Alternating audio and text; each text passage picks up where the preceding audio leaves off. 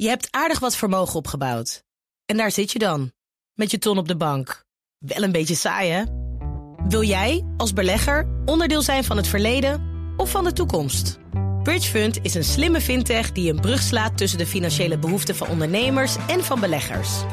Dus wie belegt bij Bridgefund krijgt niet alleen een mooie vaste rente, maar brengt ook ondernemers in beweging. Echt waar, met die ton kan je zoveel betere dingen doen. Bridgefund. Make money smile. Contact with a test one. Touchdown confirmed. Hartelijk welkom bij Space Cowboys nummer 86. Welkom Thijs. Hey, welkom Herbert. En welkom Arno. Goedemiddag. Gelukkig nieuwjaar Toevallig, Beste gelukkig mensen. nieuwjaar. aan iedereen. Mooi 2022. En het is eh, stom toeval, maar we zitten hier in dezelfde samenstelling als twee weken geleden. Ja, dat klopt ja. Gewoon elke keer wordt er gehusteld en dan komt er, komt er iets uit. En dan, eh, Ja, en dit keer zijn wij drieën toch. hoe groot is die kans? Gaan we uitrekenen.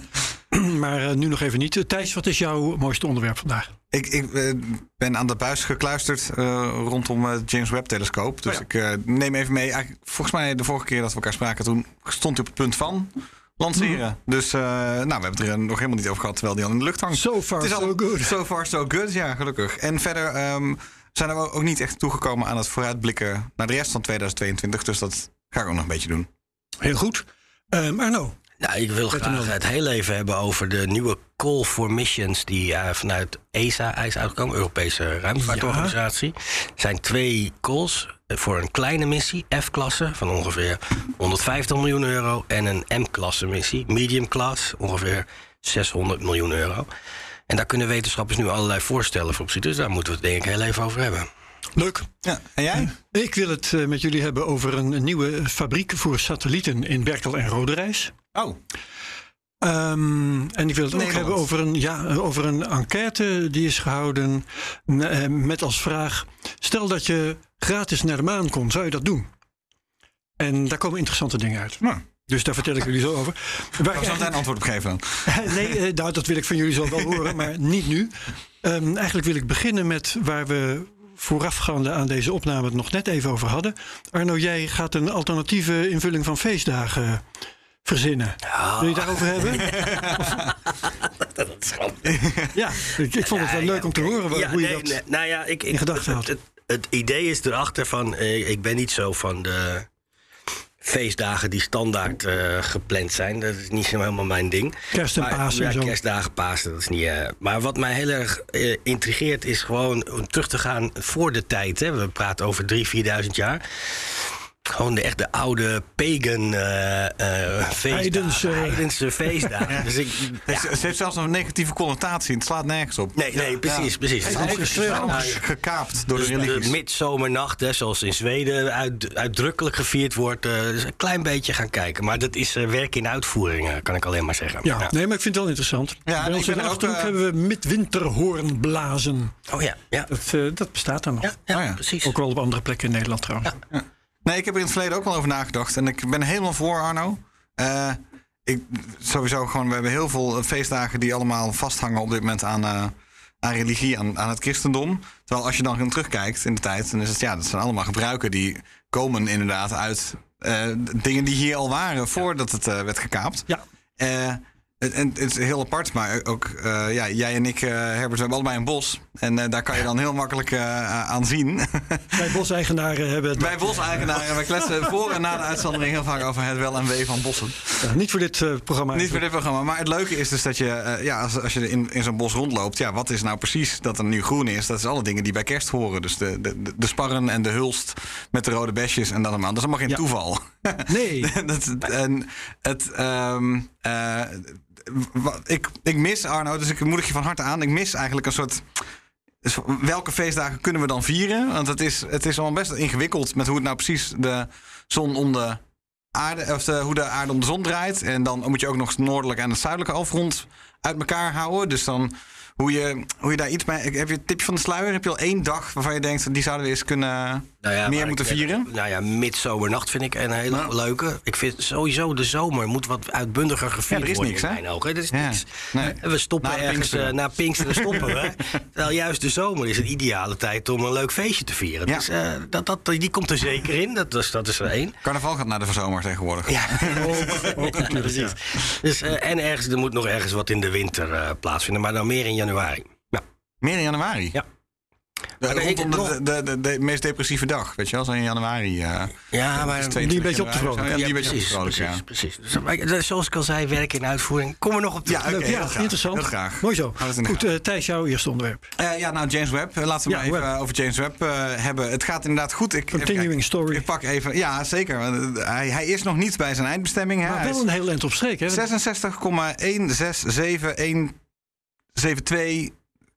procent. Ja, dus hij is eh, op 66 procent. Bijna precies op twee derde. mm, terwijl we dit opnemen. Hele leuke site van, eh, van NASA.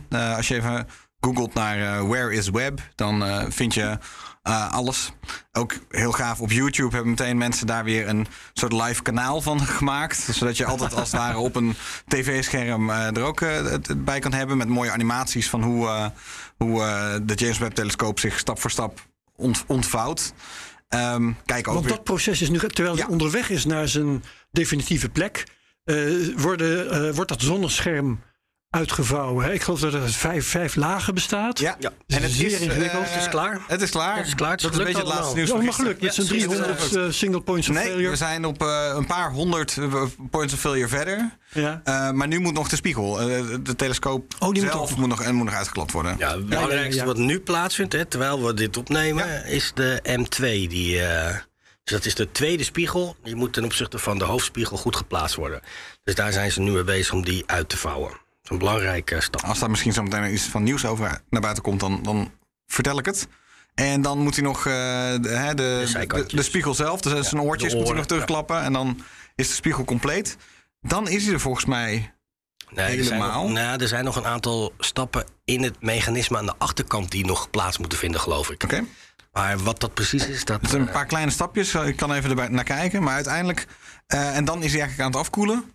Dat is dan het, eh, alles wat er gebeurt. Op dit moment eh, kan je al zien. Dus aan de koude kant is hij eh, ongeveer min, min, bijna min 200 Celsius. En aan de hete kant 12 eh, Celsius. En trouwens ook, ik zie meerdere aan. Je 12 hebt een A, B. C en D. Ja, je, hebt, je hebt twee sensoren. Eentje is 12 en 53 graden aan de hete kant. En aan de koude kant twee- min 200 en min 150 Celsius. Dus dat ehm, is koud en dat is heet. En dan is hij dus constant... Ja, ik heb, sinds de vorige uitzending kreeg ik zelfs nog een e-mail over. Over dat we een beetje zaten te steggelen over eh, de L, waar, is L2 nou? Waar is de maan Ja, nou ja, ten opzichte van alles? Nou, heel veel geleerd de afgelopen twee weken.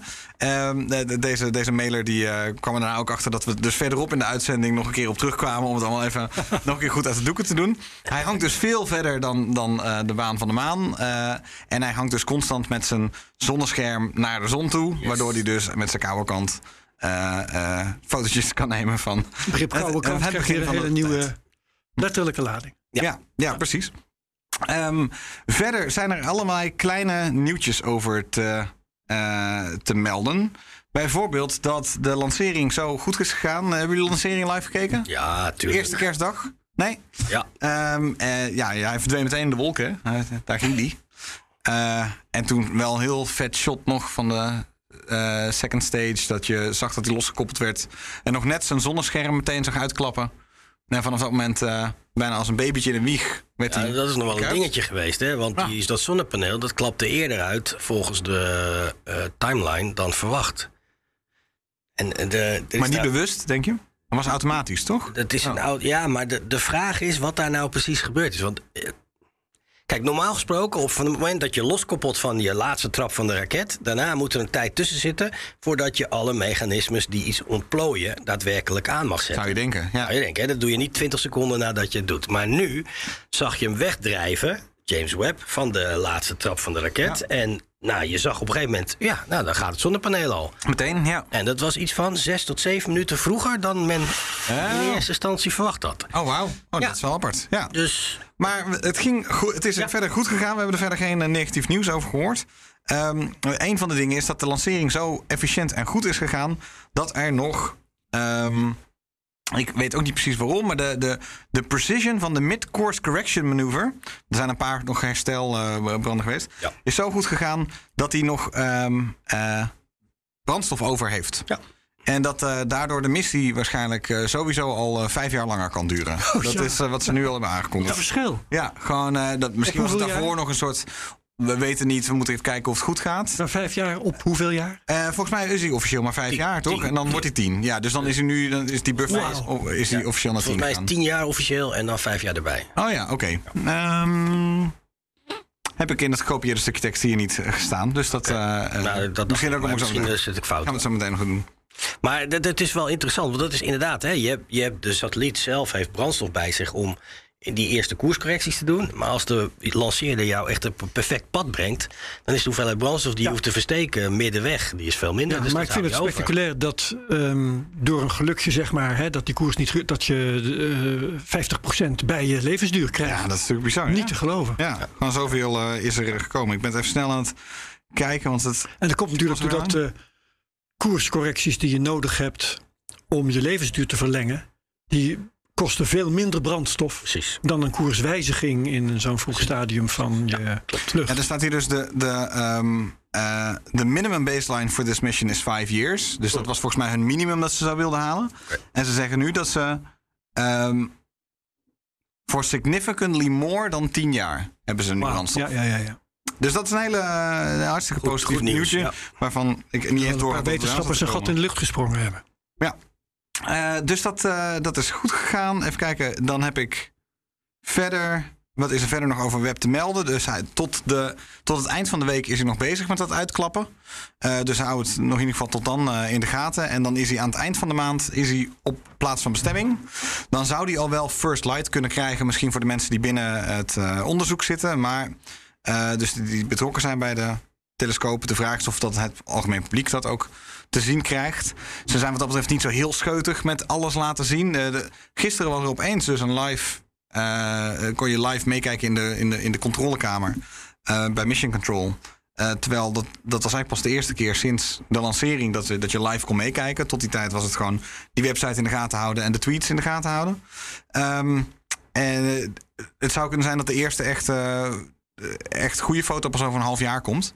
Ehm, dus eh, dat is een beetje de vraag: van, zien we nou binnen nu en een maand al iets? Ja, om te kijken of hij het doet, ja, weet je wel? Precies, de commissioning foto's, die, die krijg je juist op. Die krijg je dan wel? Ja, Ja. dat zou me verbazen als dat niet zo was. Ja, en het belangrijkste dat dan nog gebeuren moet, is dat de spiegeltjes allemaal individueel goed afgesteld moeten worden. Dus al die kleine gouden spiegeltjes, die hebben- kunnen extreem nauwkeurig worden afgesteld. En die zorgen er uiteindelijk voor dat het plaatje scherp gaat worden. Dus dat, Ah. dat is nog het, eh, de eerste grote stap eigenlijk, als hij eenmaal op zijn plek hangt, om dat helemaal ehm, te fine-tunen. Dus blijft spannend. Nog een paar weken, denk ik. Dus misschien de volgende uitzending dat er nog een goede update te, geven is. En ik denk dat het, ja, ja, je moet net bij Hubble, je moet maar afwachten tot, inderdaad, tot die eerste foto komt om te kijken van is hij niet eh, te wazig. Maar eh, so far so good. Ik vind, het bijna onwerkelijk dat hij, er, dat, hij, dat hij er bijna hangt. Na zoveel Ja, na zoveel, ja. wachten. Ja, hij komt toch nog een klein beetje als een verrassing opeens. Ja, goed, ja, we houden hem in de gaten. we houden hem in de gaten. Prachtig. Arno, jou. Eerst de eh, uitnodiging om eh, plannen in te sturen bij ESA. Precies. Nou, eh, kijk, elk om de zoveel jaar is er binnen het wetenschappelijk programma van ESA... is er de mogelijkheid voor wetenschappers over de hele wereld om ja, ideeën in te schieten. En dat doen ze met behulp van calls. Calls for missions, zoals we dat noemen. En nu is er in eind december is een nieuwe call uitgegaan voor een F-klasse... wat ongeveer met een budget heeft van ongeveer vijf- 150 miljoen euro... en een M-klasse. En de M-klasse zit zo rond de 600 miljoen. Dus wat er nu gebeurt Dat is de dat... totale prijzenpot. Ja. Of ja, Exclusief instrumentatie. Instrumentatie komt altijd bij Europese wetenschappelijke missies eh, vanuit de eh, lidstaten zelf. Dus die hoeven zitten er niet bij. ja. Eh, en dus nu zal je zien dat er heel veel voorstellen geschreven gaan worden door wetenschappers over de hele wereld. Die worden dan ingediend en daar wordt dan een keuze uitgemaakt. En die worden dan uit die keuze worden er iets van drie, vier gehaald. Die worden dan twee jaar bestudeerd. En dan wordt er daar uiteindelijk eentje geselecteerd voor een lancering ergens in 2035, geloof ik. Ola. Dat is altijd ver weg, maar dat Ja, is eenmaal lange zoals het adem. werkt. Hè. De missies die we nu aan het voorbereiden zijn, die zijn geselecteerd voor een lancering in 2030, 2031. Dus de volgende stap zijn de volgende. Dus dat is altijd wel interessant. En wat het mooie daarvan is, is dat als je. Op een gegeven moment komen al dat soort voorstellen ook wel online terecht. En eh, kan je zien wat, waar de huidige stand van de wetenschap nou eigenlijk naartoe wil op dat gebied. En dat is eh, heel interessant. eh. dat zijn eigenlijk kleine wetenschappelijke papers om te lezen. Die je een idee geven van waar de wetenschap staat op dit Ja, moment. en, en wie, wat voor clubs gaan hier op intekenen? Denk Dat zijn, dat zijn consortia van wetenschappers, dus dat, van een heleboel instituten bij elkaar. Eh, zo, Eén zo'n voorstel wordt meestal geschreven door iets van ja, 20, 30 mensen. En daarnaast hebben ze nog een hele hoop supporters die ze ook nog op het voorstel zetten. Dus dat is echt een, een hele grote effort om dat voor elkaar te krijgen. Alleen al een voorstel indienen. Alleen al een voorstel in. Ja, Hm. ja. Wat zijn de budgetten, zo'n beetje, voor deze... 150 miljoen voor F-klasse en eh, ongeveer 600 miljoen voor eh, Oh. M-klasse. Ah, daar kan je wel iets mee. Ja, maar dat wordt dan verdeeld over hoeveel? Of is het voor één Het is voor project? één project. Hè? Dus F-klasse één project en M-klasse één. Dus er gaan enkele tientallen winnaar. clubs, die gaan die effort doen.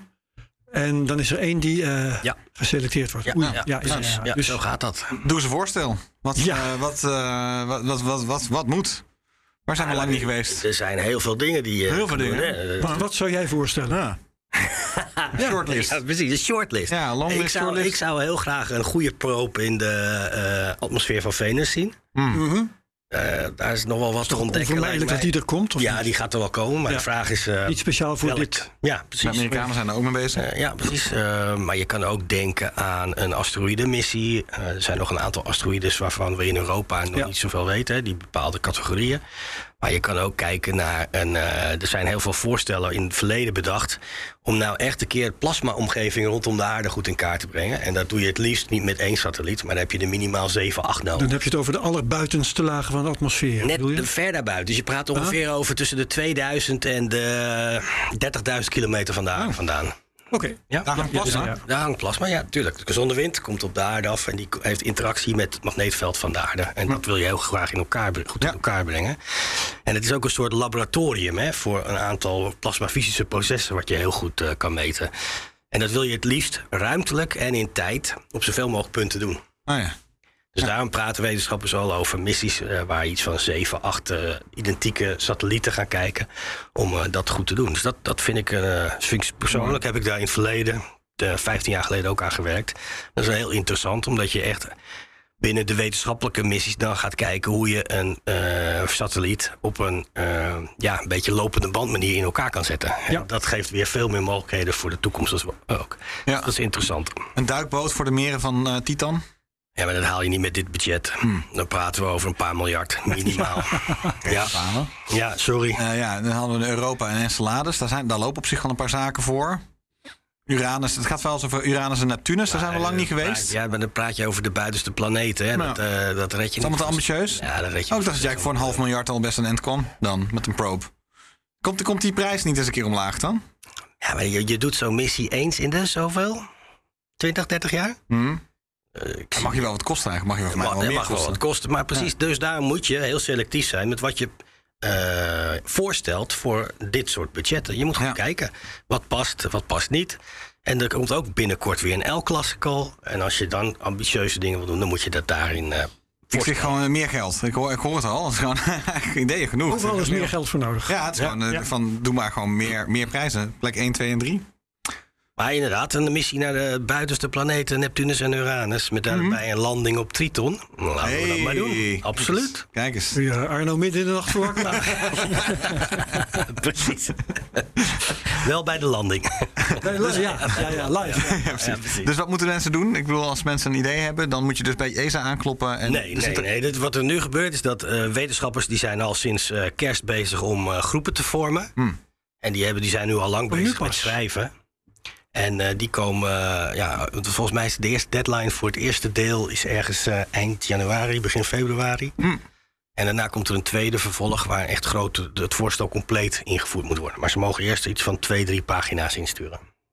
Goed, en eh, vroeg of laat komt, eh, komen al die voorstellen of alleen het gekozen voorstel komen eh publiek Ja, dat hangt er vanaf wat, wat, wat, de, wetenschap, wat de wetenschappelijke community doet. Ik weet van een aantal voorstellen die komen gewoon online, zodat iedereen kan lezen wat er voorgesteld wordt. Ja. En anderen houden het achter. Maar dat hangt Oh, dat is een beslissing van degene die het voorstelt. Oké. Nou ja, we, eh, met jou als vooruitgeschoven post kunnen we dat een beetje in de gaten houden. hè? Absoluut. Komende Ja, tijd, absoluut. denk ik. Wordt interessant, ja. Ja, leuk. Leuk. Mooi zo. Herbert. Eh, nou, dan zal ik eh, jullie even lastigvallen met die enquête. Ja. Die eh, ik vond dankzij collega Joe van Buurik van de redactie hier op BNR. Hij doet de tech-update onder andere. En hij helpt mij met eh, het samenstellen van BNR Digitaal. In ieder geval, die zei, heb je dit gezien? Een eh, enquête op SurveyMonkey. Waarbij dus aan eh, een x-aantal mensen is gevraagd. Stel nou dat, eh, dat het geen geld zou kosten. If cost were not a factor, mo- money were not a factor. Zou je dan eh, als toerist naar de maan willen? Absoluut. Jij zou abso- absoluut dat ja, ik heb willen. het de laatste maanden regelmatig door mijn hoofd geschoten. En uiteindelijk kwam ik uit op... Ja, absoluut. Maar Mars vind ik net wel van... Nou, laat eerst maar eens beginnen met iets kleins. En dan... eh, de maan is al... het- Als, als je ja zegt tegen de maan... vind ik al ambitieus genoeg. Maar hij vraagt het als toerist, hè? Dus dat Nou ja, neem ik, ik, zou, ik aan zou iets leuks het- verzinnen om er te doen. Dat wel. Jawel, maar als, ik ga er dan vanuit, als toerist, dat betekent dat er al genoeg infrastructuur daar is, zodat je op een toerist ook, manier ook daar kan leven. In een lichtstoel. eh, Dus ik wil dan ook eh, roomservice hebben, eh, dat soort dingen. Dat moet er allemaal zijn. precies, ja, je ja. praat over toerist, dus dat, Ja. dat vind ik een belangrijk aspect. Maar het is maar ook maar een weekje. Eh, wat me het meest tegenstaat eigenlijk van, eh, van een Marsmissie bijvoorbeeld... is dus niet eigenlijk... Ja, natuurlijk wel van... Oh ja, je kan echt op allerlei manieren doodgaan. Dat is op zich niet comfortabel. Maar ook dat je meteen maanden eraan vastzit. Zo niet... eh, ja, twee en jaar. je weet niet hoe je terugkomt als je terugkomt. Precies. En de maan is gewoon vrij... eh, toch relatief overzichtelijk of zo. Ja, daar zijn al zwaaien. mensen van teruggekomen. En er zijn mensen van teruggekomen. Iedereen die erheen gegaan is, is teruggekomen. Dus dat is ook wel... eh, Ja. Inderdaad, 100% is terug. 100%, ja. Dus en, en- en jij... Dat kan de VOC niet zeggen. Eh, eh, of, of ik naar, naar de maan zou ik wel willen, ja. Ja. Ja, ook met, eigenlijk met datzelfde argument. Eh, dat risico dat is eh, zeer zeker aanwezig. Maar ehm, tot nu toe is dat in vrij goede banen geleid. Dus ik denk dat ik op de maan wel zou willen intekenen als het geen geld zou kosten. ja. En Mars eh, zou ik, kosten, eh, ook wel in willen. Mars zou ik vrijwel zeker niet aandurven. Want ik, Hmm. eh, ik zou er vrij zeker van zijn dat ik dat niet zou kunnen navertellen. ja, En jij, maar nu. Ja, en jij Arno. Ja, dat is niet zo moeilijk. Ja, En eh, de maan is natuurlijk, maar. Het, het, kijk, het hangt er een klein beetje vanaf. Ik, ik heb, zoals wat jij net ook zei, je, je wil niet als eh, nutteloze ballast mee. Dus Ik wil wel wat te doen hebben. Ik wel, dat vind ik wel een dingetje. Ik wil, ik, ik Ja, verzin wel ik iets. wil graag ja. een rol hebben. Hmm. Dat vind Ah. ik, dat vind ik, dat Ik vind ik veel zou die rol als, eh, als ballast niet, helemaal niet vervelend vinden. Nee, oké. Dan kun je de hele tijd uit het raam kijken en zo. Ja, nou ja, maar als, als, als, weet ik veel, als, als je op een schip meegaat, moet je ook altijd wel iets doen. Dus eh, hè, al, al moet je aardappelen schillen, dan... eh, Ja, daar zou ik geen probleem mee hebben. Ja, ik zou ja, zo ja. de aardappelen schillen. Ja. ja. Ja, dat zou ik ook wel doen. Ja, wc, eh, de wc schoonmaken. Maar het is een beetje ja, preken voor het eh, koor. Hè? Zoals, dus dat was toch een spreekwoord? Ja, voor eigen parochie. Die voor eigen parochie ja. spreken. Ja, ja, want ik denk dat de meeste mensen eh, wel naar de maan willen. Ja, maar, Nou, wat- dat, het leuke is, er is dus een uitslag. ja oké. Oh. En ehm, ja, dat is op grond van, even kijken hoor, 2602 mensen hebben meegedaan. Mhm. En het is heel leuk, ik geef een link in de show notes. Eh, Je kunt dit namelijk zelf op allerlei manieren doorsnijden. Het is een interactieve uitslag. Je kunt dus eh, klikken op, nou splits het maar uit naar eh, mannetjes en vrouwtjes. Of splits het maar uit naar race. Wat daar de relevantie van is, dat eh, mag Joost weten. Maar, of education. Maar het eh, aardigste is eigenlijk wel als je het uitsplit naar, uitsplitst naar leeftijd. Want dan zie je dat van ehm, de jonge mensen van 18 tot 34 jaar zegt 52% doe maar. En als ik helemaal naar, aan de andere kant ga kijken, de oudere mensen van, eh, dat is nou net eventjes verduisterd door een Facebook- en Twitter-symbooltje, eh 65 en ouder, zegt maar 18% dat wil ik. Ja. En als je dat moet verklaren, denk je van, nou oké, die eh, jonge mensen zijn wat eh, driester en eh, misschien wat minder bewust of wat minder geïnteresseerd in risico. En die ouderen zijn misschien wat onwenniger eh, wat betreft dat idee. Moeten we dat wel doen? Hm. Terwijl ik dus zou denken, Zou je- als je. Juist! ja, die hebben het meegemaakt. Arno maakt het gebaar van, eh, dat zou je andersom verwachten. Ja. Ik zou inderdaad zeggen, jongens, ik ben, ik ben oud, ik ben boven de 60, het kan mij schelen. hè. Is- Ik heb al een hele hoop leuke dingen gedaan. Dit wordt het hoogtepunt. En of ik terugkom, dat zien Dat we dat dan hopen we alweer. dan maar, ja. ja. Terwijl als je nog je hele leven voor je hebt, dan moet je misschien wat beter uitkijken. Of eh, als Ja. je stelt dat je, dat je. Nog een gezin wil stichten, of dat misschien net al hebt, dan, eh, dan ga je toch niet eh, naar de maan, ook al kost het niks. Maar, Maar, maar aan de andere kant geeft het wel weer heel veel hoop dat er zoveel jonge mensen dit eh, hè, een cool idee Blijkbaar, vinden. ja. En dus Ja. dat er dus een generatie is die vrij eh, ondernemend daarin is. Dat, dat vind ik heel positief. ik denk ook omdat het eh, misschien vijf jaar geleden nog tota- als totaal of een science fiction leek. Ook al is het een paar mensen ooit gelukt. Maar nu opeens eh, de kosten zo snel naar beneden komen. Dat als je die eerste ruimtetoeristen ziet, die eigenlijk voor een paar miljoen en dan op een gegeven moment voor een paar honderdduizend mee gaan kunnen. Dat begint eh, binnen handbereik te komen voor sommige mensen die daarvoor willen sparen. Ik bedoel, er zijn mensen die naar huis wonen. En voor die prijs begin je langzaam naar de ruimte te kunnen. Dus, Ja. ehm, eh, en, dus ik denk dat ik merk het aan een aantal mensen om me heen die het leuk vinden om over zulke dingen na te denken, dat het voor de eerste keer niet meer zo'n rare gedachte was. Maar dat het eigenlijk zo van, nou ja, eh, geef het nog 20, 30 jaar. eh, eh, hoe ver is de prijs naar beneden gekomen? Zo onrealistisch is het gewoon niet meer. Ja, Kan je Dus, gewoon met je OV-jaarkaart. ja, precies. ja. Heet ja, het, gooi me er even af o- bij, het- bij het ja. ISS, weet Ja, je wel. precies, ja, ja, ja. ding! Halte. Ja, precies.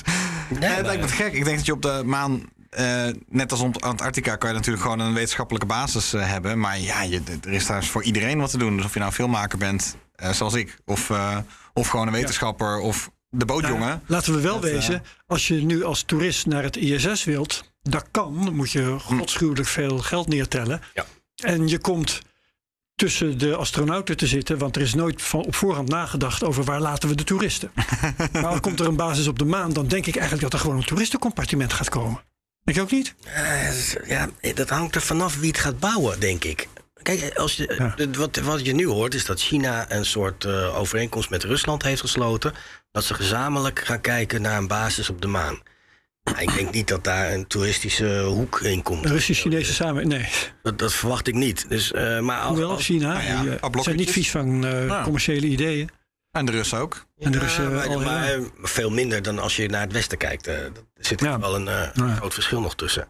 Dus ik, ben- ik ben, dat hangt er vanaf. Kijk, eh, als dingen echt snel gaan, als we commerciële ruimtestations gaan krijgen binnen nu en tien jaar, dan is de volgende stap eh, commerciële basis op de maan. Waarom niet? Ja, Ja. absoluut. Oké, nou, dan is dat eh, geregeld. Leuk. Mooi. Ehm, Thijs, jouw volgende item. Ja, eh, heel even eh, terugkomen op James Webb. Het zijn twee kleine dingen. Ik zit inderdaad nu op dit moment live te kijken naar het uitklappen van die, eh, van die mirror. Dat is nog niet gebeurd, maar dat is inderdaad, mocht, we houden dat in de gaten. En ik even nog over de foto's. Wanneer komen die nou uit? Ik zie dat er toch misschien 60 dagen na de launch al wat grove ehm, eh, plaatjes uit kunnen komen van de neerkam. Heel goed. Dus Die waarschijnlijk al mooi genoeg zijn, zullen zijn om naar te kijken. Ah, dat zullen we maar hopen. Dat zullen we maar hopen. Dan ehm, even, ik denk dat ik even naar SpaceX ga.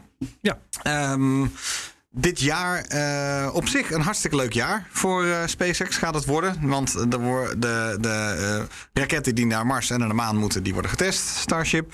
Ehm, en Falcon Heavy gaat een paar keer vliegen. Dat wordt wel gaaf. Ja. Met een paar hele toffe missies die er ook aankomen. Naar een asteroïde, als ik me niet vergis. Ehm, naar de- naar eh 16 Psyche. Ik weet nog steeds niet hoe ik dat nou precies uitspreek. Psyche. Psyche of Psyche. Ja. 16 Psyche. En misschien dat hij dan nog doorhopt naar eh, Janus. Een dubbel as- asteroïdensysteem. Oh ja. En, eh, maar dat is allemaal nog een beetje on- onduidelijk. Ehm, maar er komen een paar. Er komt in ieder geval één geheime eh, Falcon Heavy launch en twee, eh, twee andere. Dus volgens mij minstens drie eh, Falcon Heavy launches dit jaar. En dat is wel heel, het is altijd heel gaaf om te zien met die dubbele raketten die landen. Was Janus niet die asteroïde waarvan ze gingen proberen om eh, de, van de, het kleine exemplaar de baan te veranderen? Dat weet ik niet. Nee, ze zijn soort- bezig met een asteroïde. Eh, Dat was Die een, is dubbel, er. een dubbel asteroïde waarvan ze gingen kijken of ze... maar dat is DART. Ja. Dat is Dart en die ging niet dat, naar oh nee, dat Die is dan. vorig jaar gelaunched, ja. Oké. Ehm, die Don't Look Up eh, gaat eh, een, betere oplossing voor Don't Look Up eh, te proberen. Precies. Ik vond dat dus wel een hele leuk film. Ik, heb Ik hem moet hem nog zien. Oké, jullie Ja. moeten hem nog zien. Nou, Ja, ja. eh, ik ga die film kijken. Geen ben- spoilers. Geen Nee, geen spoilers. Het was, gewoon, eh, het was een heerlijke kerstfilm. Gewoon, eh, Bezig met echtgenoten te bewerken om eh, Ja. daar samen naar te kijken. ja, gewoon heel Amerikaans. Dus eh, Oh, dan ga even van, eh, van Amerikaanse humor uit. Ik eh, ken het en vind het grappig. Eh, maar verder, eh, en wat ik zou zeggen, nee, echt wel de moeite waard. Ja, een dikke zeven. Zo is Een dikke zeven, Een dikke zeven. Dat vind ik een. Zij eh, is mild vandaag. Ja. Ehm, En, en mijn vriendin die was echt onder de indruk van de, van de soort van Echt boodschap over gekeken, media. dat is politiek. mooi. Zo, Ja, hartstikke leuk. Ja. Dan de rest van het jaar. Wat hebben we nog meer? Ehm, Juno. de missie Juno gaat langs Europa vliegen. In september waarschijnlijk. Dus dat is heel leuk om naar uit te kijken. Dan, eh, Een flyby. Geen een niet om flyby. een baan eh, eromheen. en nee, lang gewoon een flyby. Dat kan niet, hè? Nee. Europa ligt diep in het stralingsveld van Jupiter. Daar kan je niet blijven, want dan eh, worden al je elektronica binnen een paar dagen gefrituurd. Ah, kijk. Dus wij moeten gewoon snel langs, foto's Snel maken langs. en door. de, de Ja. toekomstige missie van eh, NASA Europa Clipper... die gaat iets van 50 flybys van Europa doen. En die hebben eerst gekeken van... kunnen we in een baan rondom Europa? En na berekening... No go. eh, no go. Ja. Oké. Oh, die gaat alleen maar flybyen en dus niet, er is, valt niks te maken dat, eh, dat het overleeft, zeg maar. Nou, bijna niet. Wauw. Vergeet ook niet dat die instrumentatie die je meestuurt, die is relatief gevoelig. Eh elektronica die erbij Ja, zit, ja. is ook relatief gevoelig natuurlijk. Anders bouw je niet de juiste instrumenta- En instrumenten. hoe zit dat op het oppervlak? Ben je dan een beetje beschermd door een atmosfeer? Nee, Of totaal daar kun je niet. dus ook gewoon niet staan? Nee, nee, nee, nee. nee. Je mens niet ook niet? Nee. Heeft Europa een beetje een atmosfeer eigenlijk? Totaal niet. Helemaal niet? Nee. Het is allemaal neergedaald. Nee, tot- nee, het heeft een exosfeer, zoals ze dat noemen. Hè? Dus atomair, eh, maar heel erg dun. Ja, gewoon een beetje. Ja, ja, ja, ja. het is een zwaartekracht, zwaartekrachtstuk, ja. Dus eh, nee, dat gaat niet, gaat hem niet worden. Hmm, Oké. Oké. Eh, dan eh, ESA en Roscosmos die eh, eh, gaan een eh, rover voor Mars eh, lanceren. Ja, ExoMars. Ik vond het een beetje gek, want ik dacht dat ExoMars al lang gelanceerd was. ExoMars deel 2. Exact, het is deel 2 en hij is heel vaak vertraagd. Dus eh hij was ook een paar jaar, of heel vaak een paar jaar vertraagd al. Dus kan je heel even samenvatten hoe het dan ook weer zat? Ja, nee, eh, wat eh, de bedoeling is, is dat eh, het landingssysteem komt bij de Russen vandaan, van Ja, een Roscosmos. moeilijke naam die ik niet eens ga proberen. eh, La Froschkin, geloof ik, die bouwen de, land, de landermodule. Eh, de rover zelf is gebouwd in Europa. Rosalind Franklin. Ja, die. precies. Ja. Eh, en die zou inderdaad al veel eerder gepland zijn, maar ze hadden op een gegeven moment problemen met de parachutes. De, op het moment om te laten afremmen in de atmosfeer van Mars. Hebben ze een aantal parachutes nodig en die scheurden tijdens de eerste testen. Dus Oeps. dat heeft ervoor gezorgd dat het wat later werd. En ook corona-gerelateerde vertragingen Ah, zitten ja. er natuurlijk ook bij. Ja. Maar nu lijken de pa- parachuteproblemen zijn opgelost, zover ik begrepen heb. Dus, dit, dus dat ziet er goed uit. Ja. Dus eh, alles, denk ik, gaat de goede kant op. Inderdaad, eh, volgens mij september dit jaar. Ja, we zitten weer in een. Marsjaar, hè? dus het is weer een van de van- om de twee jaar kan je, naar, eh, kan je makkelijk naar Mars. En eh, dit is weer gelukkig zo'n jaar, dus de- dit is er eentje die, eh, die gaat. Ja. Ehm, eh, in september, ja, dat ongeveer. Dus eh, september wordt echt een leuke maand op, eh, op, de- op deze manier. Eh, dan zou het ook zo moeten zijn dat Artemis 1 eh, eh, de, de missie naar de maan moet. We zullen zien of dat dit jaar nog lukt. Ehm, En wat zou daar de inhoud van zijn? De, de Orion-capsule, die Ja. moet daarheen. Dus die moet dan denk ik landen of zo? Nee, nee, nee. nee Wat dan? nee, nee, nee, of die moet er alleen maar in een baan omheen nee, of zo? in een baan rondom de maan. Dat is het. Sorry, stap, het is sta- stap 1. Stap het 1 test? van uh, Artemis. Vergeet niet, Ja. Orion kan niet landen op de maan. Hè? Daar heb je een aparte lander voor nodig. Ah, Orion ja, is alleen de module die brengt je van punt A naar punt B in de ruimte. En daarna moet je overstappen naar een echte maanlander. En dat is dan waar die hele discussie over van Blue Origin en SpaceX over gaat. Ja, nou SpaceX die- heeft het contract gekregen, dus Ja. die gaat hem bouwen. Ja. En dat is dus eigenlijk Spaceship, Starship. Starship, ja. Starship is snap ik niet wat dan de functie van, van Orion nog is. Orion, Die moet op SLS. dat is weer de politieke kant van de ruimtevaart. Orion is het eh, project wat natuurlijk door de traditionele ruimtevaart in Amerika al lang eh, bezig is.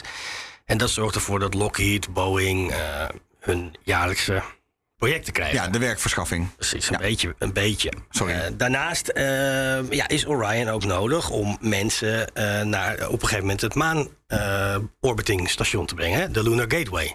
Ja. Daar zijn ze ook mee bezig om dat eh, te bouwen. Daar doet ESA ook aan mee.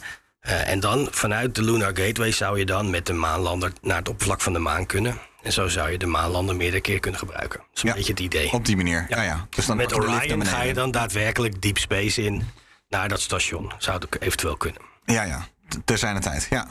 En die kan dus eventueel, een Orion zou ze eventueel ook bovenop SLS kunnen?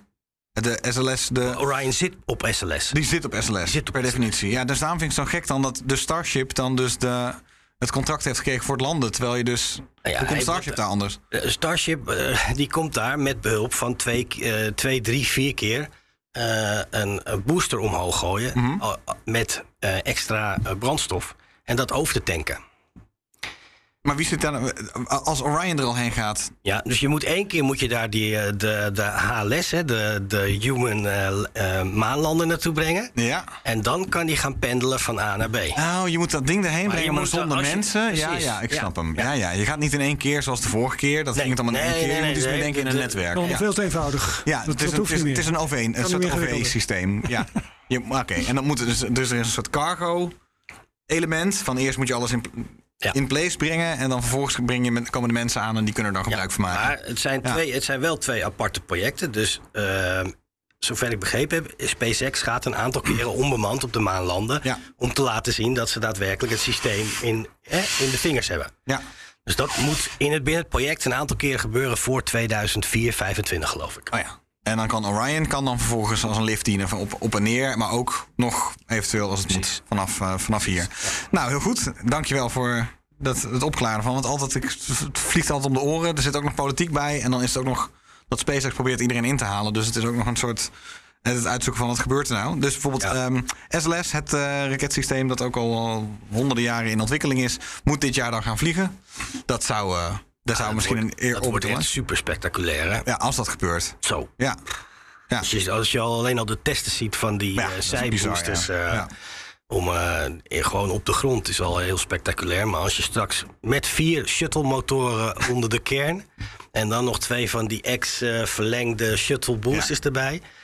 Ja, wat een mooi jaar. Spectaculair. Spectaculair. Ja. De- Het lijkt er wel op alsof de Amerikaanse overheid er gewoon alles aan doet om dat project ook gewoon door te laten gaan. Maar nu moet het ook wel. Ja, hè? de nu zo hardware dichtbij. staat gewoon in de stijgers. Dus eh, nu moet het echt. eh, Ja. Dus dat gaat wel gebeuren. Maar de vraag is hoe vaak hij daarna gaat vliegen. Dat is interessant om. eh, Ja, ja, want De kosten daarvan zijn vrij hoog. ja. Dus Ja. ik ben benieuwd hoe dat verder verloopt. ja. Nou, dan is dat niet eens de enige raket. Dan zou het ook nog eh, Blue Origin moet New Glenn gaan laten vliegen dit jaar. Dat gaat niet dit jaar gebeuren. Oké, nou, dan is dat degene die van de lijst schrijven. Ja, die- dat is wel het idee. Ja, dat gaat dit dat jaar niet gebeuren? Ja. Nee, die, die, die hebben nog te veel problemen om eh, alles. eh, die hebben nu een soort prototype naar buiten gebracht. En dan zijn ze fit-testen aan het doen op het lanceerplatform.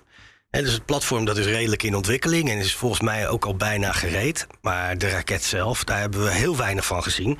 En vergeet ook niet, Blue Origin levert de hoofdmotoren voor de nieuwe United Launch Alliance raket, de. Vulcan. Oh, niet de Centaur. Vulcan. Oh, ik heb Nee, de, de B, BE4 moet geleverd worden aan de eerste trap van de Vulcan. Oké.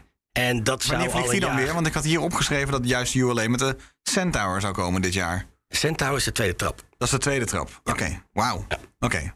Dus dat is wat anders. Maar Ja. die, die Vulcan die zou eigenlijk al aan het einde van dit jaar vliegen. Maar die zijn wachten de hele tijd op die, vier, op die motoren die door eh, Jeff Bezos Blue Origin geleverd zou worden. En die worden iedere keer uitgesteld. Ja, Jeff Bezos zit ergens op een eiland eh, met eh, wat modellen volgens mij. dat is gewoon... ik zie Kwestie- hele kwestie- rare foto's van Jeff Bezos. deze Kwestie van prioriteit. ja. Cowboyhoed op waarschijnlijk. Precies, ja, nee, maar het is serieus, letterlijk zelfs. Ja. Gaan nu- het is nu toch het idee dat eh, Bezos veel meer tijd in Blue Origin gaat steken de komende jaren. Ik ten tijd Dus, ook dat, dus dat, dat is wel belangrijk eh, Ja. om het eh, verder te brengen. Ja, volgens mij wel. Dus eh, Misschien dat hij gewoon even van een welverdiende vakantie aan het genieten is... en dat hij dan later ermee verder gaat. hij moet er hard aan trekken. Hij moet er wel hard mee aan de slag, ja. Maar er is heel veel verloop eh, binnen het personeel eh, van Blue Origin. Als je dat een beetje No volgt eh, op LinkedIn en op Twitter... dan eh, zie je dat er echt heel veel veranderingen plaatsvinden. En misschien zijn dat ook wel hele goede, dat weet ik niet. Ja. En dan had eh, onze eh, ex-space cowboy eh Yuri... die had nog een, even wat nieuwtjes over China. Ja, Ehm, die kun jij reproduceren? Die kan ik even herproduceren. Want er zijn een heel eh, lijstje nieuwe missies van China goedgekeurd. Dat is niet voor dit jaar. Dat is voor de rest van het decennium. Chang'e 6 wordt een eh, Lunar Surface Return Mission. Dus die gaat iets van de maan ophalen Ja. in 2024. Dan Chang'e 7. Dat is dan een scout en een mini-drone. Ik weet niet hoe je een mini-drone over de, Niet op de maan. eh, op de maan kan laten vliegen. Eh, met, met koude gas eh, stuurraketjes zou je dat eventueel kunnen doen. ja, als er ja, maar geen propellers zijn. Ja, ja. Nee, er zijn geen propellers. nee. Eh, dan ook weer Chang'e. Welk nummer zou het zijn? 8. voorbereiding voor de bemenste maanbasis in 2027. En dan nog een missie naar een asteroïde en een komeet in 2024. Nog een Mars Sample Return Mission Ja, dat- in 2028. En dan ook nog een missie naar Jupiter in 2030. En die is allemaal goedgekeurd in China. Nu. Goh, dat China. Dat wordt een eh, onderhoudend China. decennium. Ja. Ah, het is eh, verbazingwekkend. Het is gewoon verbazingwekkend. Zo simpel is Ze het. hebben er ook zin in, in China. eh, ja, Duidelijk wel, ja. ja. ja, het is geen moedje, maar ze... Iemand heeft er zin in. Ja, dat je merkt dat heel veel landen. Gewoon, er zijn nu zoveel. We hebben daar in, in de eerste jaren van eh, Space Cowboys over gehad. Van goh, er komen Initiatieven. initiatieven her en der. Maar op dit moment valt absoluut niet meer bij te houden. welke Nee. landen allemaal wel niet een spaceprogramma hebben. Want elk land heeft zoiets van: nou ja, als je een ruimtevaartprogramma hebt, heb je gewoon iets voor de. De jeugd, om het zo maar te zeggen, om voor te dromen, om naartoe te werken en je, je hele wetenschappelijke ehm, eh, sector naar een hoger plan te tillen. Ja, je kunt met Iedereen je ziet allemaal aan in. samenwerken. Ja, en met andere landen. Ja. dat voorstelt. Absoluut. Ja. En Je, je- gewoon, en het- je perspectief wordt gewoon veel, veel groter dan wanneer je alleen maar in je eigen land eh, dingen aan het doen bent. Dus eh, hartstikke tof om te zien dat al die. eh, ja, ik, eh, ik, vind dat, ik geniet er alleen maar van om daarnaar te kijken, natuurlijk. Dus dat, Maar je krijgt dus nu een beetje een Mars Sample Return race. Dat is het ja, leuke ervan. Zegt dat wel, ja. Europa met eh, Amerika hebben samen afgesproken om dat zo rond 2028, 2030 te doen. Waarschijnlijk ietsje later, 2031 misschien, 32. En eh, nu de Chinezen zeggen 2028, eh, wordt, eh, wordt interessant. Ja. Nou, ik zal ehm, de, de SpaceX updates, want er zijn er nog een paar. eh, even, de- de- er zijn weer wat troubles daar. Zal ik zo meteen nog even vertellen. Ehm, maar ehm, eh, eh, wat, wat ik al wel kan zeggen is. Elon Musk die was gevraagd rond de kerst. Wanneer denk je dat SpaceX de eerste man op, of vrouw op eh, Mars heeft? Hij zei op zijn vroegst vijf jaar, op zijn langst tien jaar. Ja. 2030, hè, dat is wat, eh, wat er altijd eh, een beetje de laatste jaren gezegd wordt. Ja. Dus als er een sample return missie wedloop is en op een gegeven moment eh, midden in die wedloop komt er een mens en die scoopt het gewoon eventjes mee in een zakje. Dan, ehm, dan is dat snel gepiept. En dat is ook 2030. Ja. Niets is zo veranderlijk als ruimtevaartplannen, zeg ik altijd maar. Dus eh, je pas je gewoon aan aan de veranderlijke omstandigheden. Ja. Dat is heel goed mogelijk. Ja. Laten we het afwachten. We laten afwachten. Het ligt eraan hoe snel het met Starship gaat. Daarover zometeen dan iets meer. Oké, en voor de rest verwijs ik naar eh, Space Cowboys in eh, 2030. Ja, precies. Aflevering 4024. Ja. Exact, heel goed. Ja, oké, leuk. Eh, Arno, Eh, ja, wat had ik nog? Oh ja, de, de Interstellar Probe. Er, is- er is een studie gedaan eh, bij eh, John Hopkins in eh, Amerika. En die hebben gekeken naar ehm, als je nou echt het interstellaire medium. Hè? Kijk, de, de ruimte tussen de sterren wil bekijken. Zonder invloed van de zon, zonder invloed van planeten. Maar puur alleen het interstellaire medium. Hoe ver moet je dan ongeveer vliegen? En hoe, hoe lang duurt zo'n missie dan? Nou, dat hebben ze onderzocht eh, in een eh, vrij grote studie. Waarvan de publicatie ook online te lezen is. En dat heet de Interstellar Probe. En het mooie daarvan is, is dat ze praten over een missie van ongeveer 50 jaar. Lancering 2036, einde missie 2086. wauw. Over planning gesproken. En de bedoeling is dat ze dan ongeveer op 1000 A- astronomische eenheden in eh, de ruimte zitten. Hè, waarbij je echt weg bent van de zon. eh, misschien Dus duizend keer zo ver als dat de zon van de aarde afstaat. Wauw. En uh, dus we hebben gekeken naar wat voor instrumentatie wil je dan meenemen. Je moet natuurlijk naar magneetvelden kijken, je wil elektrische velden, je wil naar uh, deeltjes kijken. Uh, dus dat soort dingen hebben ze naar gekeken. En het mooie van die missie is, is dat je over uh, een aantal dingen moet gaan nadenken waar je normaal gesproken nooit over nadenkt. Hè? Dus 50 jaar, dat betekent dat je over meerdere generaties wetenschappers die eraan werken praat. Ja, hoe regel je het budget voor in 2083? Precies, als de politici die dat moeten goedkeuren nog niet eens geboren zijn. Ja.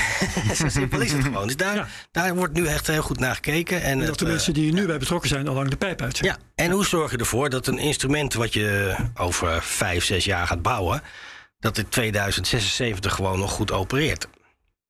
Nou, het mooie is dat we wel weten vanuit Voyager dat er nog steeds een aantal instrumenten opereren. hè. Want Maar- Voyager is in de interstellaire ruimte, toch? Ja, Ja, maar heeft nog wel een klein beetje invloed van eh, de zon. Dus Hmm. het, het, eh, we praten over een- nog verder weg. Nog, Nog veel verder verder weg. Ja. We weten wel dat de energievoorziening geleidelijk aan een puntje begint te worden. Hè? Dus ja, dat is een van dus de dingen moet, waar je, je, moet, eh, je, moet eh, je hebt een, eh, een eh, nucleaire batterij nodig om dat goed te doen. Ja. Dat Wat de Voyager eigenlijk ook heeft. Dus, maar het is, eh, ja... Ik, ik- ze hebben gekeken heel goed van... is de huidige stand van de technologie in staat om dit voor elkaar te krijgen? Het gaat dus niet om een concreet plan, maar het gaat om eh, eh, het vaststellen van de mogelijkheid om een plan te maken. Precies. Hmm, ja, precies. Maar ze hebben daarbij, als je daarnaar kijkt, doe je wel altijd een soort conceptontwerp van hoe de satelliet eruit ziet. Hè, Ja. van wat is de grootte van de eh, schotel die je nodig hebt om met de aarde weer te Is dat communiceren? allemaal haalbaar? Is dat haalbaar? Kunnen we dat bouwen? Kunnen we het lanceren met de huidige raketten? Dat soort dingen. Duurzaam genoeg? Ja, En het antwoord was? ja, Ja, dus. ja. Ja. Dus dat is... eh, En niet met een of andere exotische vo- voortstuwing. Nee, nee. Of nee. op basis waarvan dan? Nou, je, la- je lanceert met je grootste raket die je hebt. Nou, dat is afhankelijk van wat er tegen die tijd is. En dat zal Misschien wel met- zijn of zo? Misschien wel met Starship, hè? Je haalt Starship eraf, je gebruikt de booster in één keer bloep. Dat Ja, zou kunnen. ja, ja. Of je lanceert de satelliet, je parkeert hem in een baan rondom de aarde. Gooit, eh, Trekt hem bij. trekt hem bij, kickstage en dan ga je verder. Maar is dat niet veel te langzaam dan? Of ja, Ja, daarom maar is het zo daarom tijd. duurt het ook lang. Ja, ja, ja, ja. ja. Maar je krijgt dan wel de snelste satelliet die ooit... eh, hij gaat sneller dan New Horizons. eh, dat is wel het idee, hè? Ja. Dus dat, eh, Die dat hebben ze onderzocht. Dus dat- ik denk dat dat de komende jaren een voorstel gaat worden naar NASA. Van oké, dit is wat we kunnen. Heel jullie bereid Leuk. om dit eh, te financieren? Ja. ik Ja, ben dat is dol altijd mooi van die. Ja, is het interstellair, maar ook tussen de generaties. Ik weet nog dat ik een keer eh, met mijn echtgenote was aan, eh, aan het wandelen en fietsen was op de Hoge Veluwe. En toen kwamen we daar eh, via bordjes en dingen die we zagen wat te weten over een project dat ging over natuur- en landschapsherstel daar ter plaatse. En dat wilden ze allemaal niet onmiddellijk doen, geleidelijk. Misschien een budgettaire reden, misschien om het niet te ingrijpend te laten zijn. Maar het kwam erop neer dat ze elke tien jaar herstelden ze een of andere laan. En het kwam erop neer dat om het hele project uit te voeren was eh, weet niet, 70 jaar nodig of zo. Oh. En toen dacht ik al, wat geweldig. Ja. Dat Ja. mensen zo'n plan kunnen maken. Precies. Waarbij je dus in feite onbaatzuchtig bent. Want je zult het zelf nooit in zijn voltooide staat zien. En tegelijkertijd vereist het een bepaalde planning. En vertrouwen in dat het in de toekomst niet omgezaagd wordt. Ik bedoel niet een boom, maar, maar het plan. En eh, Zoals dat, dat, is, Familia. dat is mooi. Wat zeg je? Zoals de Sagrada Familia, de kerk in Nou, dat eh, ook. Barcelona. Ja, ja, ja, ja. Dus dat soort dingen zijn mooi. Dat, eh, Ja, dat, dat- ik denk dat dat ook heel belangrijk gaat worden. De lange termijn planning moeten we steeds meer eh, gaan hanteren. Helemaal eens. Ja. Weet je waar ze dat kunnen? In China. Ja, ja, ja. Verdomd als niet waar Ja, hoor. ja. Ja. Een Ja, land ja, eh, dat niet door, eh, door het nieuws eh, geregeerd wordt. Denken ze tegen- niet aan. Vloek in de kerk over vier jaar resultaat hebben. maar- Ja. ja, nee, absoluut. Ja, wat, ik, wat ik alleen wel denk bij zulke soort missies is... ze blijven heel vaak in conceptfase hangen. Helaas. Eh, gelukkig Voyager en Pioneer en New Horizons zijn natuurlijk wel eh, die kant op aan het gaan. Ja. Maar er was eentje die mij nog voorbij stond... was een missie die met een soort zonnescherm volgens mij... en dan eh, met lasers zou worden voortgestuwd... omdat hij dan veel sneller zou kunnen. Ja. En dan ook echt een bestemming had. Dus eh Alpha Centauri zou dan eh, Ja. de bestemming zijn. Maar Ja, ik dat begrijp hier dat het dat juist is- gaat om het, om het vacuüm, om het zo maar te zeggen. Naar, Ja, dit gaat, dit, hij gaat niet naar een andere ster toe. Hij blijft, het, het, het onderzoeksgebied is inderdaad het in de inter- interstellaire ruimte. Voor de rest eh, Daar waar er eigenlijk niks is. En waar, waar daar niks niet, is. eh, En waar we eigenlijk ook niet zoveel vanaf weten. hè. In situ waarnemingen van... Nou, Ja, daar ga je zo ver als nodig vanaf. is, maar niet verder, want dat is onzin. Precies, precies. ja, toch. Het, het, Welke afstand hebben we het dan over? Duizend AU. Duizend, Duizend, duizend astronomische- keer 150 miljoen. duizend keer de afstand van de aarde tot de zon. Ja. Ja. Maar ehm, Voyager, wat ik begrepen heb, is buiten de heliosfeer. En dan kom je bij de mhm, BO. Wat is het ook weer? Ja, Transmission BO. De Termination Shock. Sorry, daar ben ik. Oh. eh, de Termination Shock. Dus dan eh, kom je aan de rand van eigenlijk waar de invloed. Waar de, de zon die straalt natuurlijk allerlei energie uit. Op allerlei soorten manieren. En op een gegeven moment is die energie zwak, te zwak om op te botsen tegen de rest van alle energie. Van alle andere sterren. Ja. Dus daardoor zit er een soort bubbel om de zon heen. Dat is dan de heliosfeer. Daarbuiten noemen we het de interstellaire ruimte. Ja. Wat ik ervan begrepen heb, is dat Voyager 1 en nu ook 2 eigenlijk in dat overgangspunt zitten. Zo van, net als wanneer je water uit een kraan laat lopen... en je ziet dat het eigenlijk een soort van eh, een cirkel maakt van zich af... en dan vervolgens komt, botst het water er aan de zijkant weer tegenaan. ja. Ze zitten net precies in dat stukje waar het als het ware het water aan het klotsen is, aan de rand... Waardoor ze, de, kom- de, hè, ze doen het allebei nog. Of nee, Voyager 1 doet het vooral nog. Voyager 2 staat gedeeltelijk iets verder uit. Maar ze kunnen allebei meten dat ze in de ja, interstellaire ruimte Ja, zijn. de magnetometer die werken alle twee nog, zover ik begrepen heb. Ja, en daardoor weten ze van, we zijn daar. Maar het probleem bij Voyager is dan vervolgens... Nou, je kan wel zeggen van, we zijn er. Maar ze kunnen nauwelijks metingen doen. Want en heel veel instrumenten staan uit. En bovendien, die instrumenten die komen uit de jaren 70. Dus En dan niet alleen, eh, je moet je data nog terugkrijgen over die afstand. Precies. Ja, ja, echt precies. een, eh, bitje per bitje komt het druppelt dat terug, hè? Eén Ja. bit per minuut. ja, precies. Ja, dat is dat is ook weer de kracht van een... eh, hij heeft nu nog een, een paar watt of zo. hè, nog drie, vier, vijf watt. De kracht van een, eh, van een koelkastlampje. Ja, het is, het is heel weinig. is toch niet te geloven? Ja, ja. Maar nog altijd wel, eh, eh, wat ik dan begrepen heb van eh, mensen bij het Deep Space Network, is als je dan eh, je telescoop erop richt, dan, eh, dan is het, het is stilte en dan is opeens dat, het wattage dat dan van voor je komt nog steeds een extreem hoge piek in vergelijking met als het ware het niks, het niks dat erachter zit. Dus het, Ja, eh, als je met je 70 meter eh, schotel ernaar kijkt. Ja, ja, ja, niet precies. met je. Moet je je zonnebril nog Met je antenne in je achtertuin. Ja. Ja, Nee. Maar heel gaaf. Ja, interla- interstellaire missies zijn Ja. natuurlijk de, de mooiste dromen. Maar die, waar jij het over hebt, dat komt bij het Breakthrough-project vandaan eh, van eh Yuri Milner. Ja. En daar hebben ze inderdaad naar gekeken. En daar is ook best wel veel geld naartoe gegaan. Maar dan hè, praat je over een, een, een laserstation op aarde. Mhm. Wat gewoon een, eh, het beste wapen ooit is. Dus daar, zijn nog wel discussies over hoe je dat. natuurlijk. want je Ja, moet zoveel energie eh, op dat zonnezeil richten. En dat zonnezeil moet ook nog een keer heel groot zijn. Want je moet het gedurende jarenlang Ja. beschijnen. Zodat die maar kan versnellen. Maar dat is dus blijkbaar echt de perfecte, het perfecte argument voor de Verenigde Staten om dit te doen. Want dan hebben ze eindelijk iets om Chinese Ja, maar probes uit de lucht te schieten. Dus dat is... eh, Als je dan ooit naar een, eh, een Verenigde Naties gesprek moet komen, dan heb je wel wat uit te leggen, schat ik. Dus, eh, nee, dat, ik zie dat de komende jaren echt niet gebeuren. Nou. Nee. Maar eh, ik, hoop, ik hoop dat eh, deze interstellaire missie het wordt. Dat, eh, Ja, Ja, het zou cool zijn als ze dit eh voort een kunnen zetten. Ja, dus. ja. ja. Eh, Herbert, ja, Ja. volgens mij nog iets op je lijst. Ja, zeker. Ehm, nou ja, we krijgen een nieuw ruimtevaartbedrijf in Nederland. Dat wil zeggen, het is Ja, geen nieuw bedrijf, maar Ja. het is wel nieuw in Nederland. Het heet Satalogic. En ehm, ik- Satelligence, Satalogic. Het is, eh, ja, nou ja, goed. is iets... eh, dat soort namen die worden ook via een soort eh, generator worden ja, ze zo'n eh, AI-generator Ja, precies. Geef me een spacebedrijf aan. Generate name. ja, precies. Ze- ze- Zet de gratis van de Kamer van Koophandel. Ja. Anyway, ehm, het, is een, het is een bedrijf dat eh, een. ehm, als, voor zover ik het begrijp, want dat, wat je vaker hebt met websites van bedrijven. Dan denk je van jongens, wat doen jullie eigenlijk? En heb je de grootste moeite om op die website erachter te komen wat ze nou eigenlijk doen.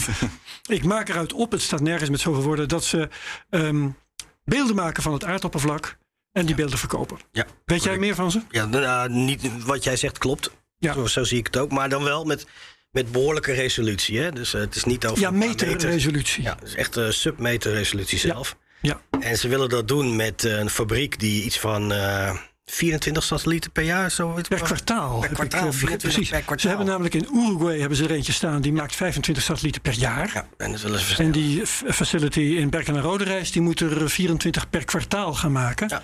Dus 100 per jaar ongeveer. En ehm, dat eh, is blijkbaar voldoende om ervoor te zorgen dat ze een vloot van 300 satellieten in orbit kunnen houden. Als je rekening houdt, want ja, blijkbaar gaat er elke drie, vier jaar eh, wordt, moet die hele boel ververst worden. Ja, ik denk, ik denk, dat, denk dat ze in een zo'n lage baan vliegen... dat ze op een gegeven moment ook terugvallen gedeeltelijk. Ja, baan is 300 kilometer Ja, dat is niet hoog. Nee, Ja, nee, hoe krijg je aan de submile- submeter Ja, eh, precies. Met vrij kleine satellieten. Hè? Het zijn niet van dit soort eh, van drie, vier Nee. meter. Dus het zijn redelijk kleine satellieten die dat gaan doen. Maar ze willen dus een fabriek gaan bouwen ervoor in Werkelijk, ja, dus Berkel en Roderijs. serieproductie van, eh, van eh, Echt satellieten. eh, heel cool. Ja, er was ook een, Ja, een mooi, een mooi woord voor, hoe noemden ze het nou ook weer? High Throughput Manufacturing Plant. Gek, want een opschaling eh, brengt, echt brengt satellieten uitpoepen, dat gaat Ja, hij doen. precies. Ja, dat is wat er nodig is ook eigenlijk. Ja, Ja. gewoon in ruimtevaart. Dat maar je ze- opschaalt naar En, iets... dat was ook een van de dingen waarvoor ik echt gewoon close reading moest doen. Ik dacht, voor wie maken ze die satellieten nou eigenlijk? mhm. Wie, wie koopt die satelliet? Nou, ze maken ze dus voor zichzelf. Ja, ja. Ze, ze bouwen hun eigen satellieten. Om gewoon de data te kunnen gebruiken. Om die, data te eh, die verkopen. eh, beelden De te data te maken verkopen. en die dan weer te verkopen. Maar en, en is- dus, daar- ze komen dus niet uit met de data die van ESA naar beneden komt. Ja, maar Nee, kijk, je, je, wil, je wil een aantal dingen. Ten eerste wil je naar eh, een resolutie toe die lager dan een meter is. Hè? Daarnaast wil je dat je dat meerdere keren per dag kan doen. Want je wil namelijk veranderingen op de aarde. Ja. Snelle veranderingen wil je in kaart kunnen brengen en dat aan je klanten verkopen. Dus een heel mooi voorbeeld is ISAI uit Finland. Misschien hebben we het daar wel ooit eens over gehad.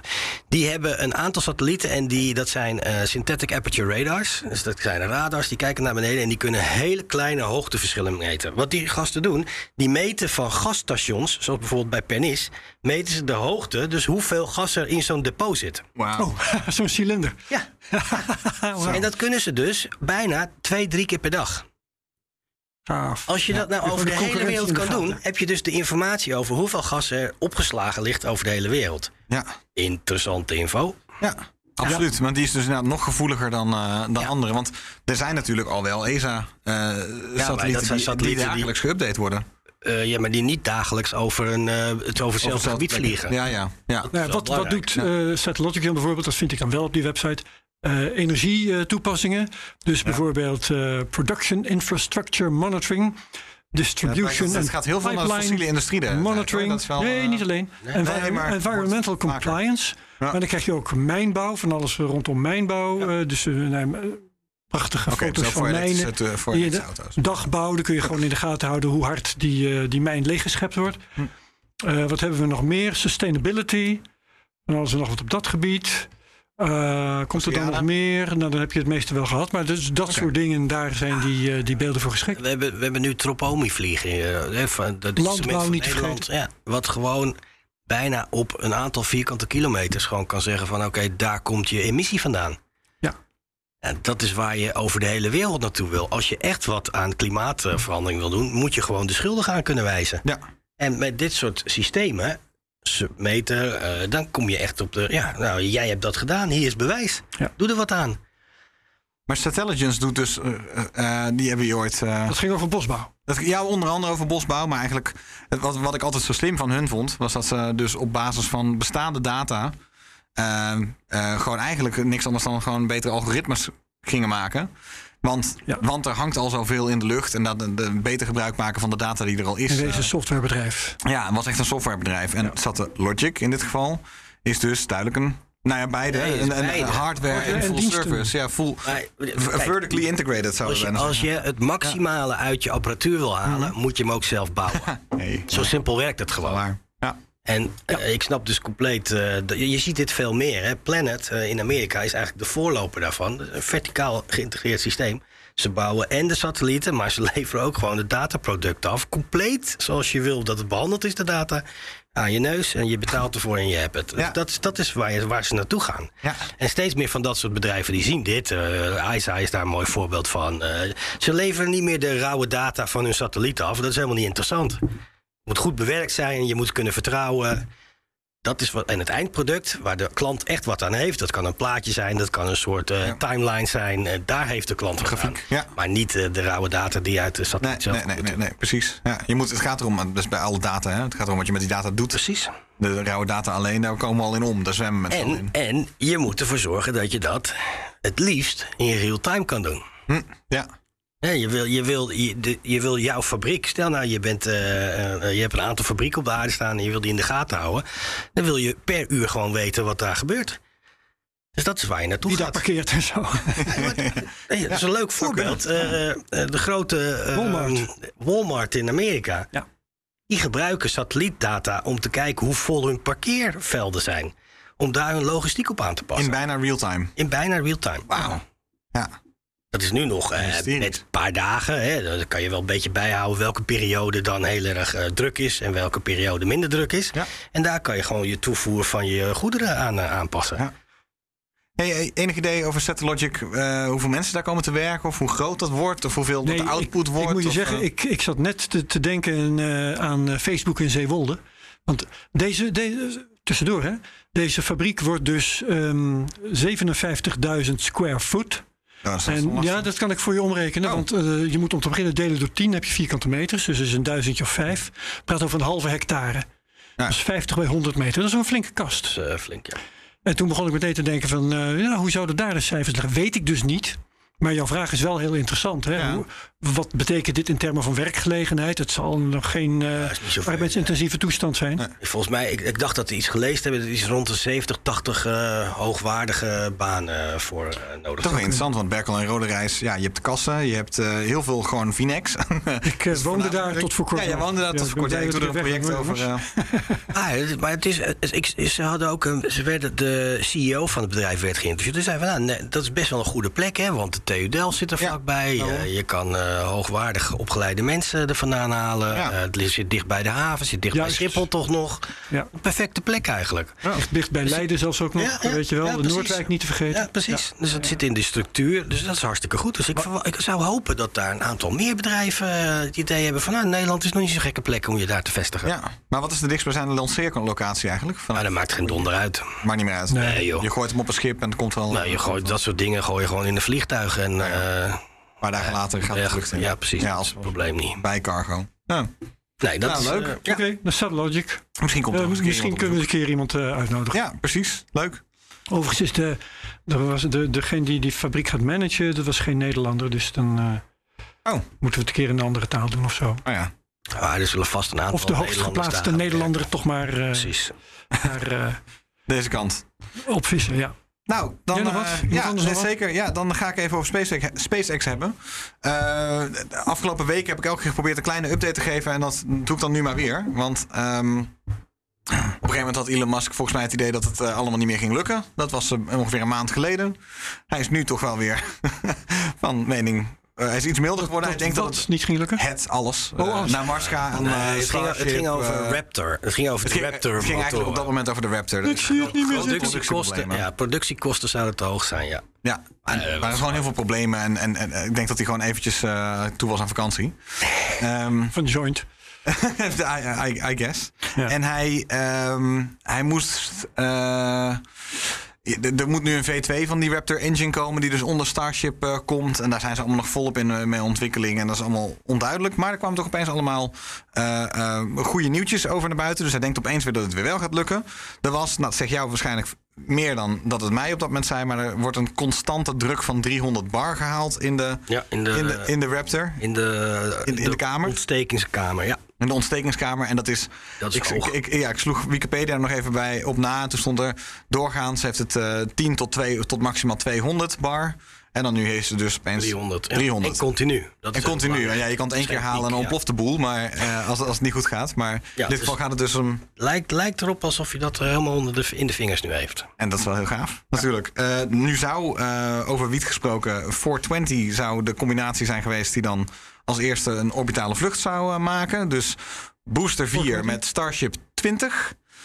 Oh, oké. Booster, maar Booster 4 is inmiddels alweer van het, eh, van het uh, ervan weggehaald. En die wordt volgens mij gewoon gescrapt. Volgens mij worden, zitten ze nu waarschijnlijk al op 7 of 8 die het dan eh, zou moeten gaan worden.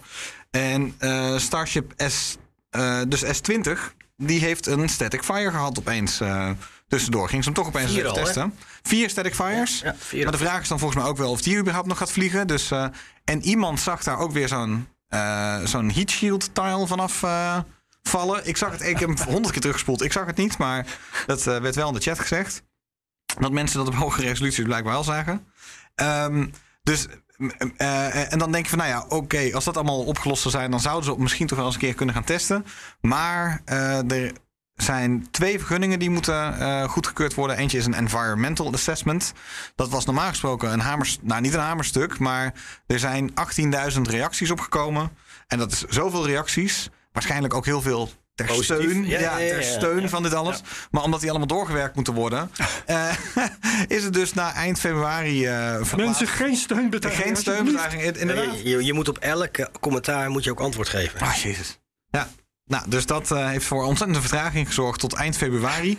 En als dat dan klaar is, dan kan pas daadwerkelijk de launch-vergunning worden afgegeven. Ja. Dus die moet dan ook nog aangevraagd worden. Dus eigenlijk is het zo weer mid-maart voordat het, eh, het circus echt, echt eh, van, van start gaat. Terwijl, volgens mij was op een gegeven moment... eh, eh, november werd wel eens genoemd, eh, afgelopen november, als, eh, als, als mogelijke Eh, wij- we hebben toch testmaand. wel eh, twee maandjes geduld. Althans, ik wel hoor. Nee, ik heb het geduld niet.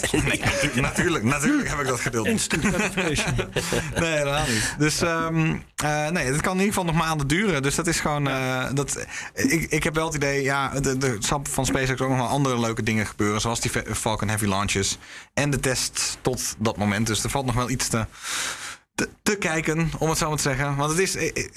Ik, las vandaag nog iets, eh, volgens mij in de New York Times, een, Thomas Friedman, columnist, die naar James Webb lancering eh, even refereerde als het kwam voor hem als een totale verrassing dat er opeens zoiets hoopgevends opeens weer eh, tussen alles doorkwam. Want nou, ik ben opeens, ik ben op, zich niet zo'n ontzettend cynische zwartkijker of zo.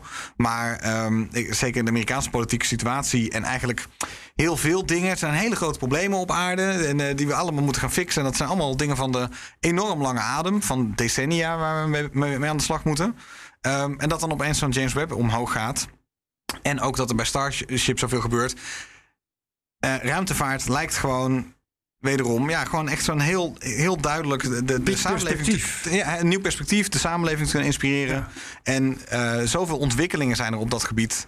Die op andere gebieden ook zijn er ook hele vette ontwikkelingen. Maar dit is wel echt een van de meest spectaculaire dingen, denk ik, die er op aarde aan het gebeuren is. Maar, Dus, eh, maar die, die- ik snap die hele zwartkijkerij nooit zo Überhaupt helemaal. niet. Eh, überhaupt, ik ben daar niet zo van. Eh, Ik vind dat echt... eh, dat je- ten eerste, je hebt er niks aan, want het wordt er niet beter van. Hè, dus dat, dat heeft totaal niet... En vergeet ook niet dat James Webb... heeft ook 20, 30 jaar geduurd voordat hij vloog. Dus dat is ook zo'n lange termijn project... waar de eerste wetenschappers die het bedacht hebben... die werken nu niet meer aan het project. ja. Ja, dus wat, wat mij dat, al dat soort dingen laat zien, is dat de mensheid juist wel in staat is om lange termijn projecten tot een goed einde te brengen. En dat is hetzelfde met anderen. Dus laten we positief instellen. Ja, ja, nou dat is goed. En de idiotie gaan we zoveel mogelijk eh, links laten liggen. Ja, precies. Mee eens. Nou, heel goed. Nou, dat was vooruitkijken. En eh, Oké, ik, nu ben ik door al mijn eh, nieuwtjes heen. goed zo. Jij nog wat, Arno? Nou, wat ook wel interessant is, kijk, wat, eh, als die booster van SpaceX weer terug moet komen op de aarde, dan wordt die gevangen door van die armen, hè? De chopsticks. De chopsticks. Nou, die hebben ze dus gisteren een beetje zitten bewegen Ah, ja, en kijken hoe die heen en weer ging. Maar dat is echt eh, dat is interessant om te zien. Dus ik De ben heel benieuwd. eh, ja. Raar, raar in ieder geval, maar Twee innovatief. armen, hè? ja. Het zijn- Het zijn echt twee armen. Hij moet dus eerst flink afremmen en dan langzaam daarheen Ja. bewegen. Ook zorgen dat hij dus niet die hele toren omver nee, nee, precies. Ik denk dat ze hem de moeder gaan noemen, want hij neemt hem weer terug in je arm. Natuurlijk, zoiets zou het En moeten dan, en worden. dan lift hij hem eh, als een soort liftje, tilt hij hem zo omlaag. Ja, Ja, ja, ja. De eerste tests gaan allemaal nog in zee zijn. Want ze Ja. willen absoluut ervoor zorgen dat ze niet hun eigen lanceerinstallatie meteen eh, bij de eerste keer. eh, En, en, er- en er was nog iets, hè? Firefly, wat eh, een bouwer van kleine raketten is. Die, eh, is ooit opgericht door een eh Oekraïense rijkere persoon. Maar dat schijnt nu in de problemen te zijn gekomen door het feit dat hij daar toch nog iets van 50% van de aandelen van het bedrijf heeft. En dat willen de Amerikaanse overheid niet. Dus eerst moeten die aandelen van die meneer verkocht worden aan een partij die de Amerikaanse overheid wel welwillend eh, is. Jeff Bezos of zo? Maar tot die tijd mag het dus niet gelanceerd worden. En er stond, de nieuwe raket stond in principe eh, klaar Oh, om ja. eh, begin eh, dit jaar gelanceerd te Ik gaan heb het zien worden. staan, ja. Ja, en dat gaat dus niet gebeuren. Dus dat is wel, dat is wel een rare, Maar rare wat, wat is dat dan voor een... waarom is het belangrijk? Wat, wat, is, wat is Firefly? Firefly is een bedrijf dat raketten gaat bouwen die goedkoop zijn. En ze moeten iets van 1000 kilo per keer in een baan. Kleine payloads. Ja, kleine, kleinere satellieten, ja. Maar ze hebben ook ideeën alvast om, om de maan bepaalde dingen te doen. Dus het is weer zo'n ja, bedrijf wat eruit is gekomen... dat eh, niet alleen raketten wil bouwen, maar ook de satellieten en eh, dat soort dingen. Ja, Dus oké. interessant. Goed. Dat was het. Ja, van mij betreft wel. Nou, het was niet helemaal het, want ik zou nog met een updateje komen over James Webb. Ja. Eh, is het gelukt met de spiegel? Eh, en het lijkt er toch zeker wel op van ja. ik bedoel, ik zie iedereen... En waar zie je eh, dat eh, Nou, de, de live-uitzending is afgelopen en iedereen is blij in de chat. Dus het, maar even kijken, ik zie ook een nieuwe James Webb update hier van eh, de Twitter-account zelf. Dus eens kijken wat die dan zeggen. Die zeggen 29 minuten geleden... Ja, de secondary mirror is deployed. Geweldig. Maar er is maar weinig tijd om te pauzeren en reflecteren. Want nu moeten ze gaan kijken. Hij is wel goed uitgeklapt, maar ze nu moeten ze echt gaan kijken. Zit hij ook allemaal goed vast? Je doet... En dan is later deze week de laatste milestone. ehm, de, ja, de, de hoofdspiegel. Dus nu is de secundaire spiegel. Die zijn flapjes. Ja. Dat is het laatste. En dan, nou, dan zijn van die, wat waren er? Hoeveel? 363? 300 eh, zoveel single points. Single points of failure. failure. Daar zijn er dan... eh, onderdelen. is toch wel eh, het grootste gedeelte geslecht. In ieder geval van de, van, de, van de reis tot naar daar. Het, eh, Tot, wachten tot de eerste foto. het dreigt allemaal behoorlijk goed te gaan. Het dreigt allemaal goed te gaan. Ja, het is echt een prestatie van, eh, van je welste zijn. Prachtig. Als dat inderdaad zo is. Absoluut. Mooi om daarmee af te sluiten. Eh, nog één shout-out naar eh, Thijs van Doorn. Dankjewel voor de mail. Eh, ik vertelde over een mailer. Ik had even, even zijn naam opgezocht. Die ons had eh, geattendeerd op eh, hoe het wel of niet zat met de L2 eh Lagrange points. Dus iedereen die ons eh, betweet of bemailt, dat is alleen maar hartstikke leuk. Jazeker. Eh Het Space Cowboy Spot Op Twitter. op Twitter. En daar vind je ook onze persoonlijke Twitter-handles. Precies. Nou, Prachtig dan. Dankjewel Thijs Roes. dankjewel Herbert. Dankjewel Arno Wilders. Dank jullie wel. En eh, iedereen die geluisterd heeft, graag tot de volgende Space Cowboys. Waarin wij gaan praten over computers in de ruimte. Wij gaan praten over de computers. Computers in de ruimte. Wanneer overleven ze het wel en wanneer overleven ze het niet? Oh, geweldig. Mooi zo. Dat komt dan. Jij wist dat. Jij bent er ook weer bij Dan ben ik erbij. Ja. Oké, ik volgens mij ook. Ik moet even nakijken in het schema, maar het zal haast wel. Arno waarschijnlijk niet. Nee. Dus deels in elk geval een andere Dan een special samenstelling. guest. Ja, oké. eh, luisteraars, eh, bedankt. En tot de volgende Space Cowboys. Dat wordt nummer 87. Dag allemaal.